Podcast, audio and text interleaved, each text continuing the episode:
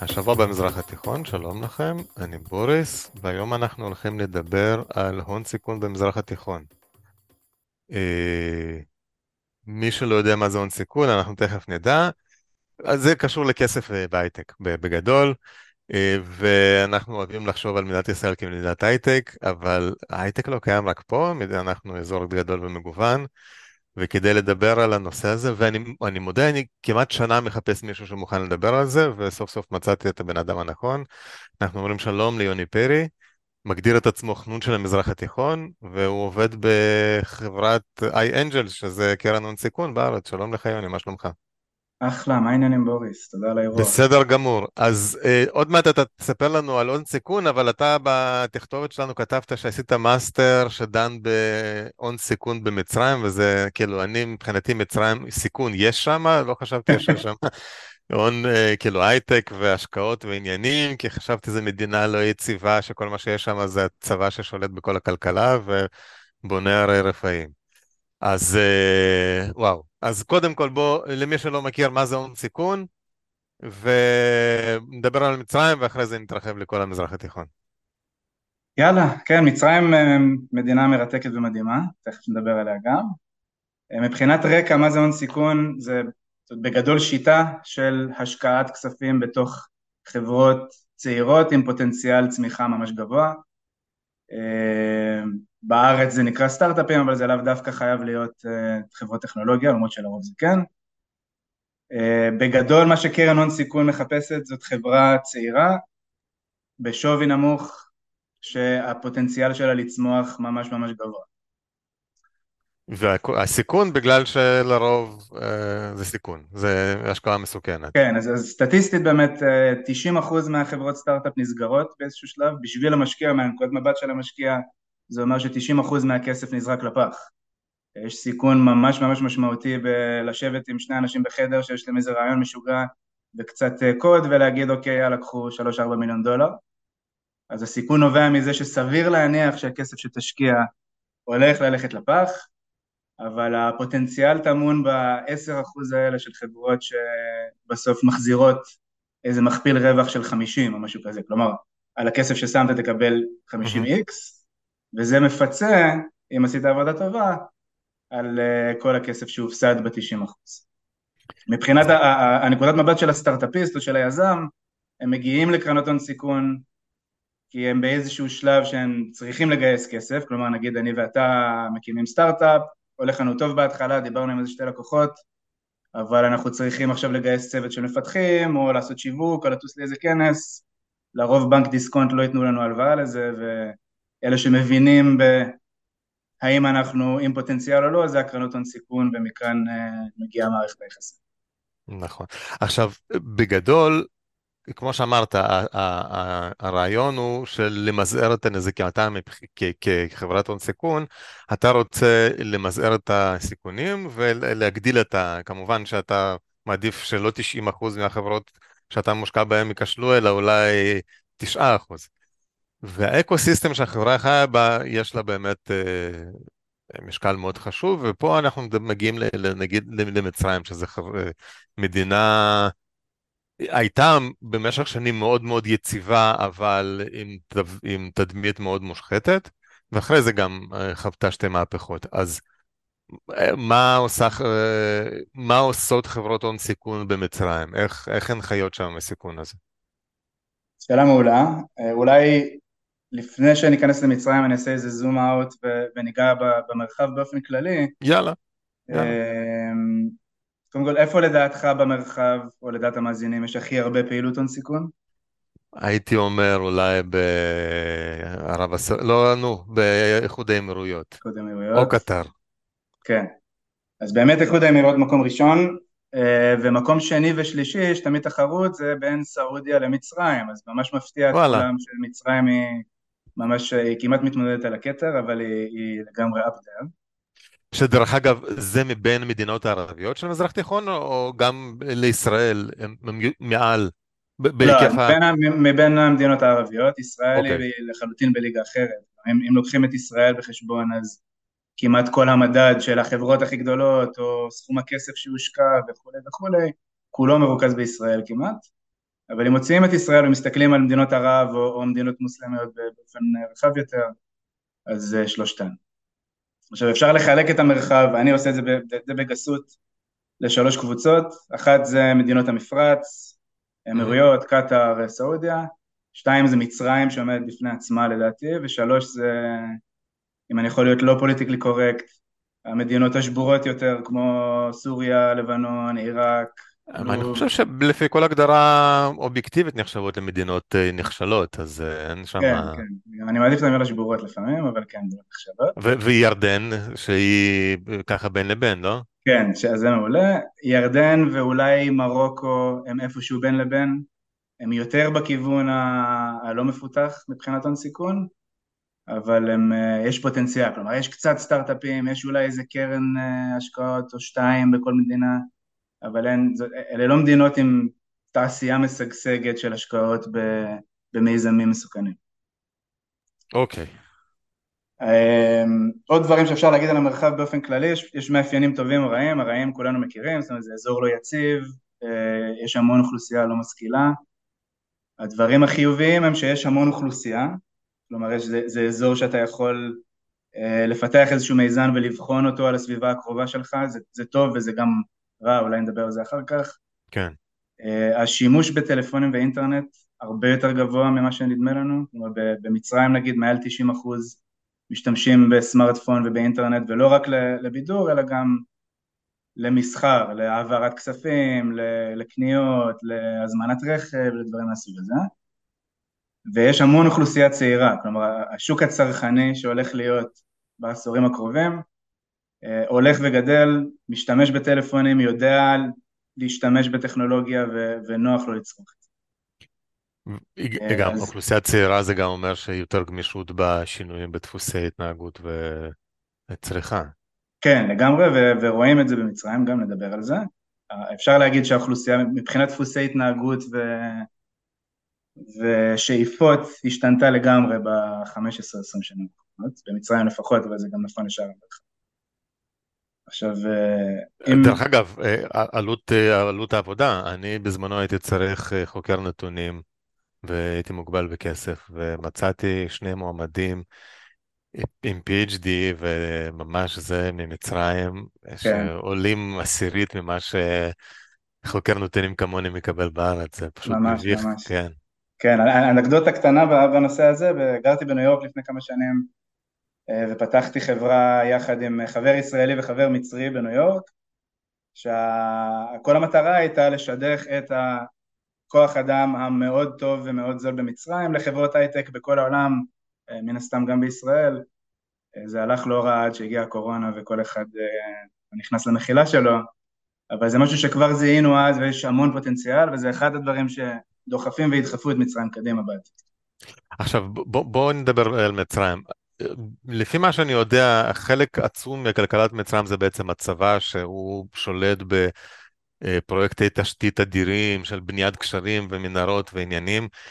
יש, אה, זאת אומרת, יש במצרים גם מקום לשוק של יזמות פרטית, שהוא שוק עם מאפיינים תחרותיים וחדשניים?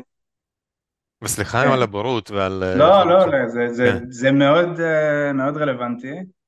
הרקע של מצרים ממש השפיע על איך המדינה נראית היום. אז אם אנחנו הולכים אחורה קצת, נגיד לשנות ה-70, לנאצר או קצת אחרי המהפכה, המדינה הייתה סוציאליסטית לחלוטין, כלומר הלאימו את כל הפעילות העסקית הפרטית, אה, כמעט לא היה שוק פרטי, יזמים ויזמות באופן כללי נחשבו כדבר די מסוכן או, או, או זר לתרבות המקומית.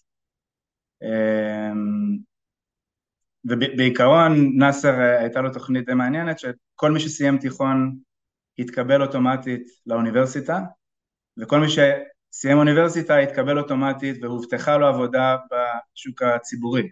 Mm-hmm. עכשיו אתה מדמיין על זה מדינה של כמה עשרות מיליוני אנשים שכל שנה כל מי שמסיים אוניברסיטה מובטחת לו עבודה במשרד הכלכלה, במשרד התחבורה, במשרד לאיכות הסביבה, במשרד הלא משנה מה, כולם נכנסים לעבודה וזה יוצר תרבות כמו שאפשר לתאר, אה, סופר בירוקרטית, אה, מאוד נוחה, כלומר התנאים הסוציאליים פנטסטיים, כנראה שנורא כיף, אבל אנטי שוק פרטי ואנטי תחרות, זה גרם להם לקצת בלאגן שאחרי זה סאדאת ומובארק ניסו להפוך לחלוטין. אז uh, הייתה תנועה, כמו שאפשר לתאר, של הפרטה, של uh, גם נכנס קצת שחיתות שם, אבל uh, המדינה התחילה לעבור ליברליזציה בשנות ה-90, ואז uh, ביתר שאת בשנות ה-2000, ואחרי המהפכה, אחרי האביב הערבי, uh, המדינה הייתה, הכלכלה שלה הייתה ממש בקאנטים, ממש במצב כן. על הפנים, וסיסי... זה שתי, שתי מהפכות בעצם.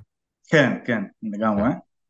אה, וסיסי והשלטון שלו הבינו שצריך לדחוף ליותר יוזמה ציבורית, אה, פרטית, ולדחוף את התושבים לפתח ו...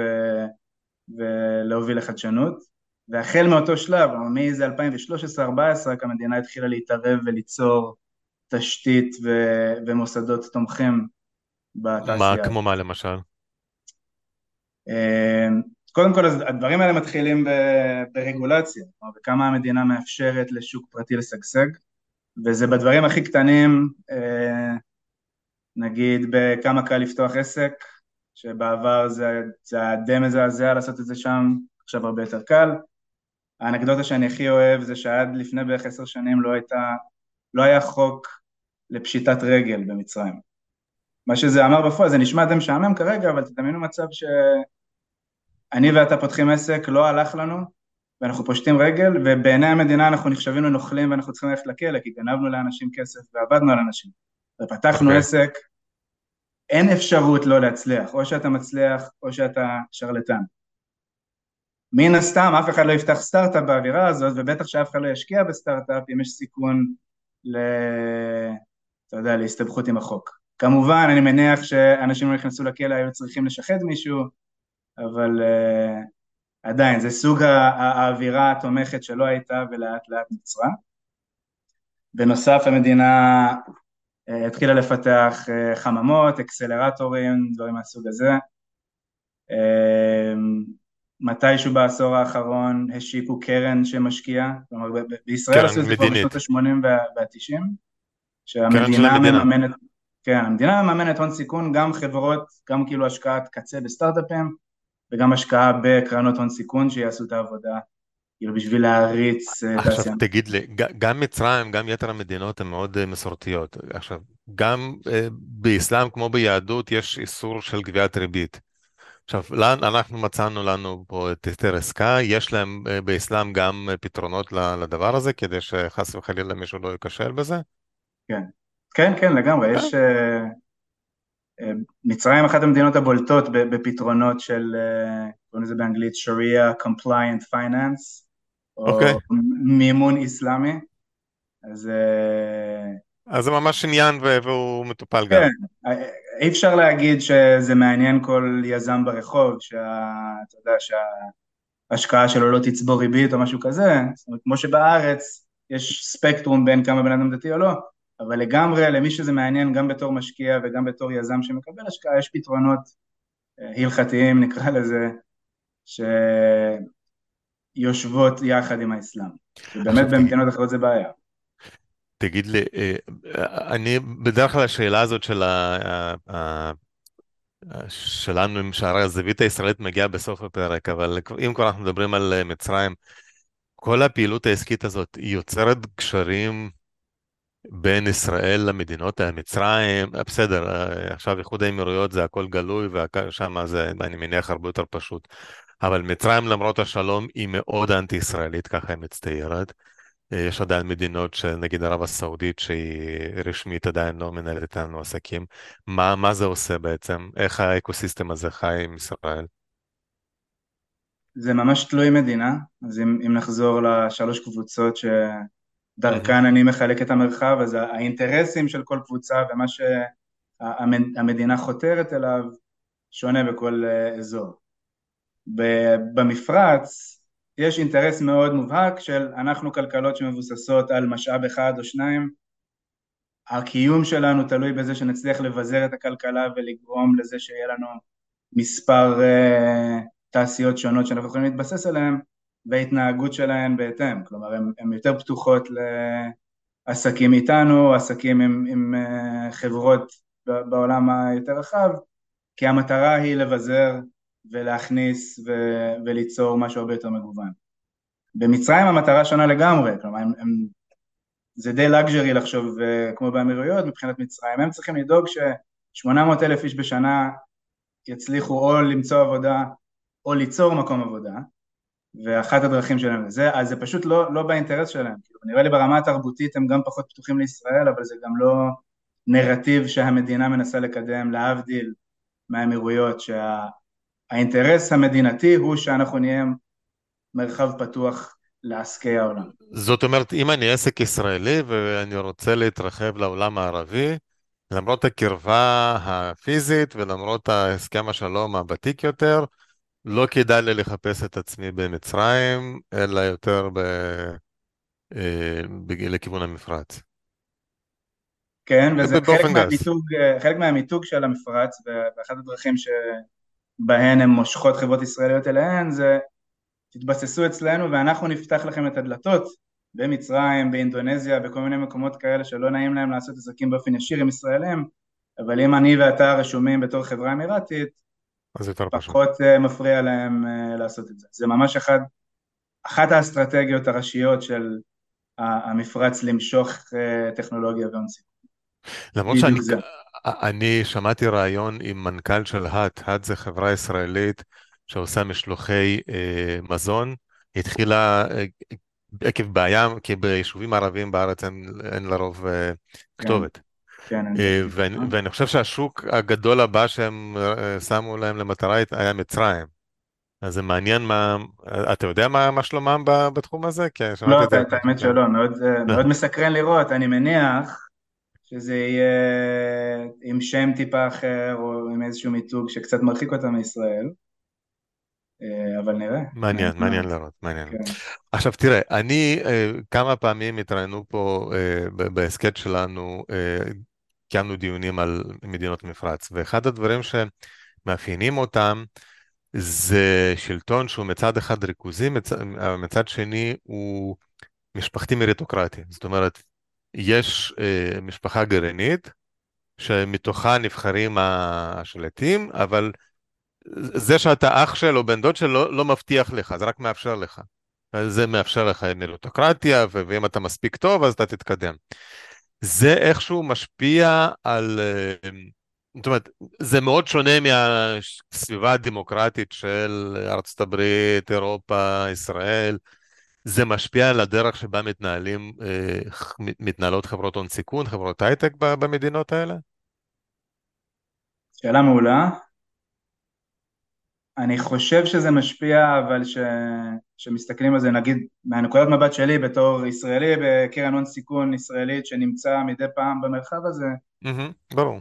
זה, זה משפיע, ההתנהלות שלנו שונה ממה שהיא כשאנחנו בלונדון או בניו יורק, אבל העובדה הזאת שזה משפחתי או שבטי, זה לא העניין כמו שהתרבות העסקית שונה לחלוטין, והיא כנראה תוצאה מזה שזה משפחתי או אישי. מה, מה זאת אומרת? שאתה עושה עסקים עם אדם או ארגון במרחב הזה, כנראה שזה קשור לאיזשהו שבט, אבל הדבר שהכי חשוב להם, מעבר לתשואות הפיננסיות ומעבר לכמה הטכנולוגיה שלך יכולה לתרום לכלכלה המקומית, זה פשוט להכיר אותך וליצור מערכת יחסים די קרובה ומבוססת אמון. Mm-hmm. אז לצורך העניין, אם אני נמצא באוסטרליה ואני, אתה יודע, אני עושה פיץ' לקרן שלנו ובואו תשקיעו ואיזה יופי, טכנולוגיה ישראלית, מי שאוהב את זה ישקיע ומי שלא לא. באמירויות התרבות העסקית היא שאני אבוא מספר רב של פעמים ואנחנו ניפגש ואני אביא את השותפים והם תכירו אותי יותר לעומק, בכלל לא נדבר על עסקים, נדבר על החיים ועל המשפחה ועל האמונה ומה שזה לא יהיה, ובסוף תהיה איזו החלטה אם לעשות את זה או לא, אבל התרבות העסקית הרבה יותר איטית, ואני לא אומר את זה במובן השלילי, אלא במובן הזר לנו כישראלים, כלומר זה הרבה יותר מבוסס אמון במערכת יחסים. אז זאת ההשפעה העיקרית לדעתי. בהקשר הזה אה, התראיין פה אצלנו אלכס גרינברג שהוא גם מומחה למזרח תיכון, גם לאיראן וגם לרוסיה והוא דווקא הגדיר אה, מאוד יפה, הוא אמר שיש תרבויות עם אה, קונטקסט גבוה ותרבויות עם קונטקסט נמוך וגבוה הכוונה גדול וקטן. כן. אנחנו ישראלים אנחנו תרבות בחלוקה הזאת עם קונטקסט נמוך כי אנחנו באים זה תכלס אתה רוצה להשקיע לא זה, זה מה שזה והתרבות הערבית, הפרסית בוודאי, אה, המזרח אירופית, היא תרבות עם קונטקסט גבוה. בהקשר הזה בדיוק מה שאמרת, בוא נדבר, אה, וכל מה ש... כן, כן. זה, זה, אני חושב שישראלים עברו סדרת חינוך די משמעותית בנושא הזה בשנת, מאז הסכמי אברהם, של איך לגשת לאזור, ו, והאם השיטה שלנו של להרשים על הפגישה הראשונה, אה, זה, זה כנראה די השתנה. דרך אגב, עזוב אה, גיוס כספים, נגיד אני מלמד אה, תקשורת טכנולוגית בין היתר.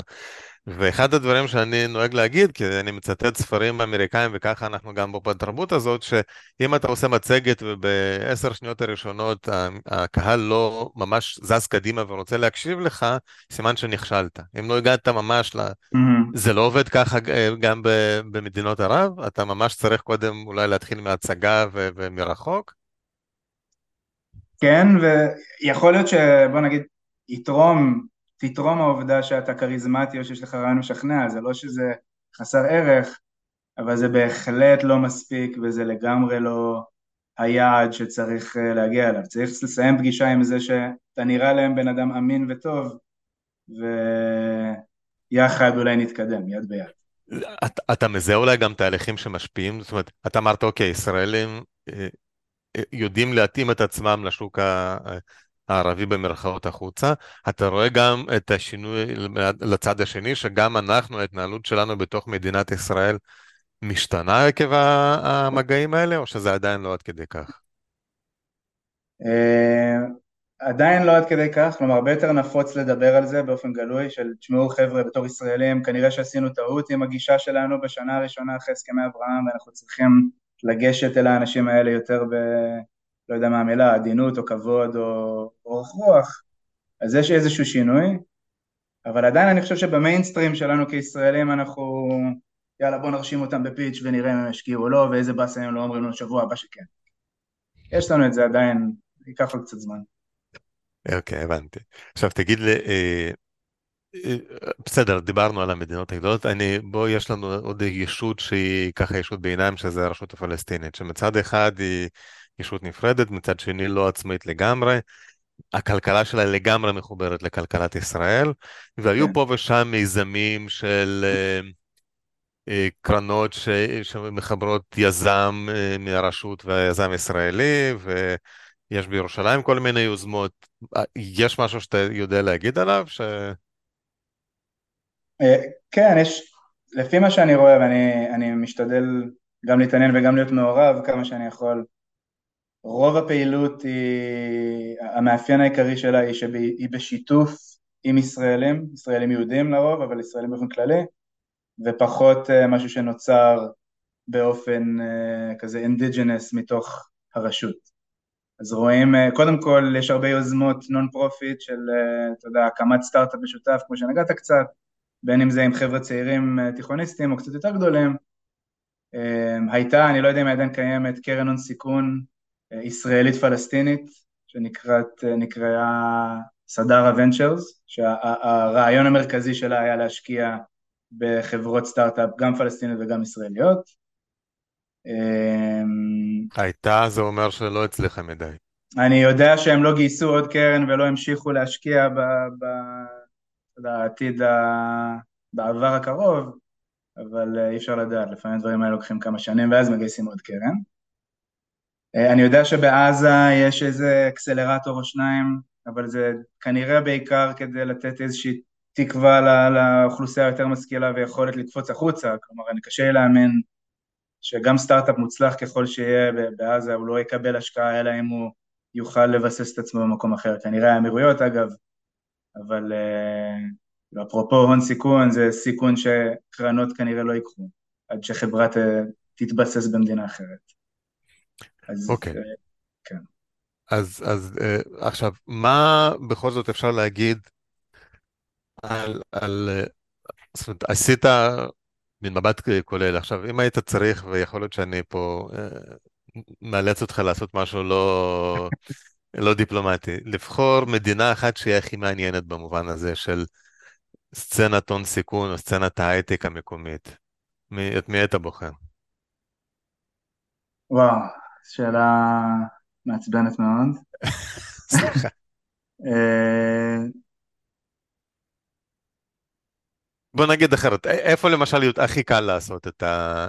אני עכשיו כן, אני כן, מקים סטארט-אפ, אני- אבל לא בא לי בישראל, לא יודע למה. לא, אני לא רוצה להיות לעוס, אבל הייתי אומר שזה שילוב של מצרים ואיחוד האמירויות, אה, בעיקר בגלל הנרטיבים של כל מדינה. אז איחוד האמירויות רואה את זה כמשימה לאומית למשוך חברות טכנולוגיה בכל אמצעי שאפשר, אפשר לגעת בזה, אה, וזה יחד מושך הון סיכון. כלומר, הם, הם, לצורך העניין, אחת הדוגמאות הטובות זה שיש המון אזורי סחר חופשי באיחוד האמירויות.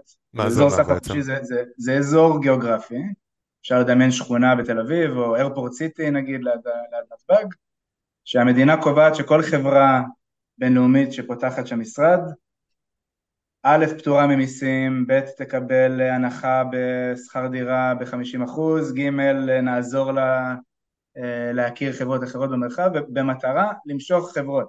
מהמם. וכרגע, בעודנו מדברים, יש נציגים של אזורי הסחר האלה בישראל שמחפשים למשוך חברות ישראליות לשם, בשביל שהחברה הזאת פחות או יותר תהפוך לאמירתית, יעזרו לה לגייס כסף, ההון הסיכון המקומי יסתכל על חברות ישראליות בהתניה שהם יפתחו נציגות באזור ודברים מהסוג הזה. ודרך אגב, לא מעט חברות ישראליות קמות אה, במימון של אה, המדען הראשי, איך שקוראים לזה היום, הרשות לחדשנות. כן, כן.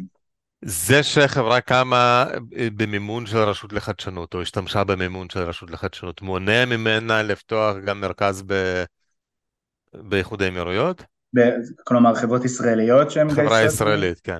שאלה מעולה, אני מניח שעד שלב מסוים, כלומר גם רשות החדשנות לא רוצה להגביל, היא רוצה להגביל ברמה מסוימת, אבל חברה שהיא כבר יותר מאוחרת, לא, לא של עשרה עובדים, אם יהיה ברור שבאינטרס העסקי של החברה לפתוח נציגות באמירויות וככה תהיה לה גישה נגיד לאינדונזיה ולאפריקה, אז אני מניח שרשות החדשנות לא תמנע את זה, אבל אה, שאלה טובה.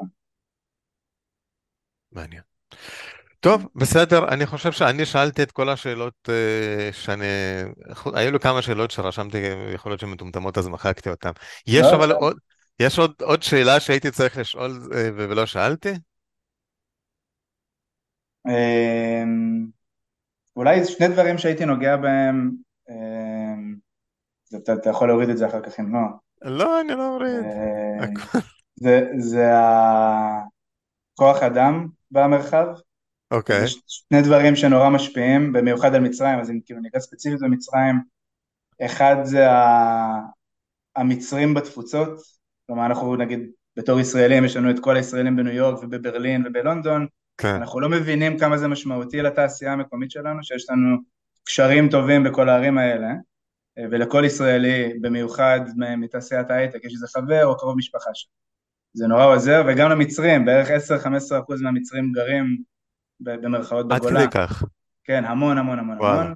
רובם במפרץ, אבל יש המון במערב אירופה ובארצות הברית, וזאת אוכלוסייה חזקה, משכילים, משגשגים, עשירים, ומצרים יכלה לעשות עבודה יותר טובה ולשתף אותם ולגרום להם לרצות לתמוך בתעשייה המקומית, בישראל אנחנו מאוד טובים בזה, ישראלים בגולה, גם יהודים בגולה, אבל ישראלים מאוד חשוב לתמוך, מגיע ישראלי חדש לניו יורק, יש לו כבר כמה אנשים לאכול איתם ארוחת ערב, ויעשו לו היכרויות והכל, והוא די מסודר, למצרים זה טיפה יותר מסובך.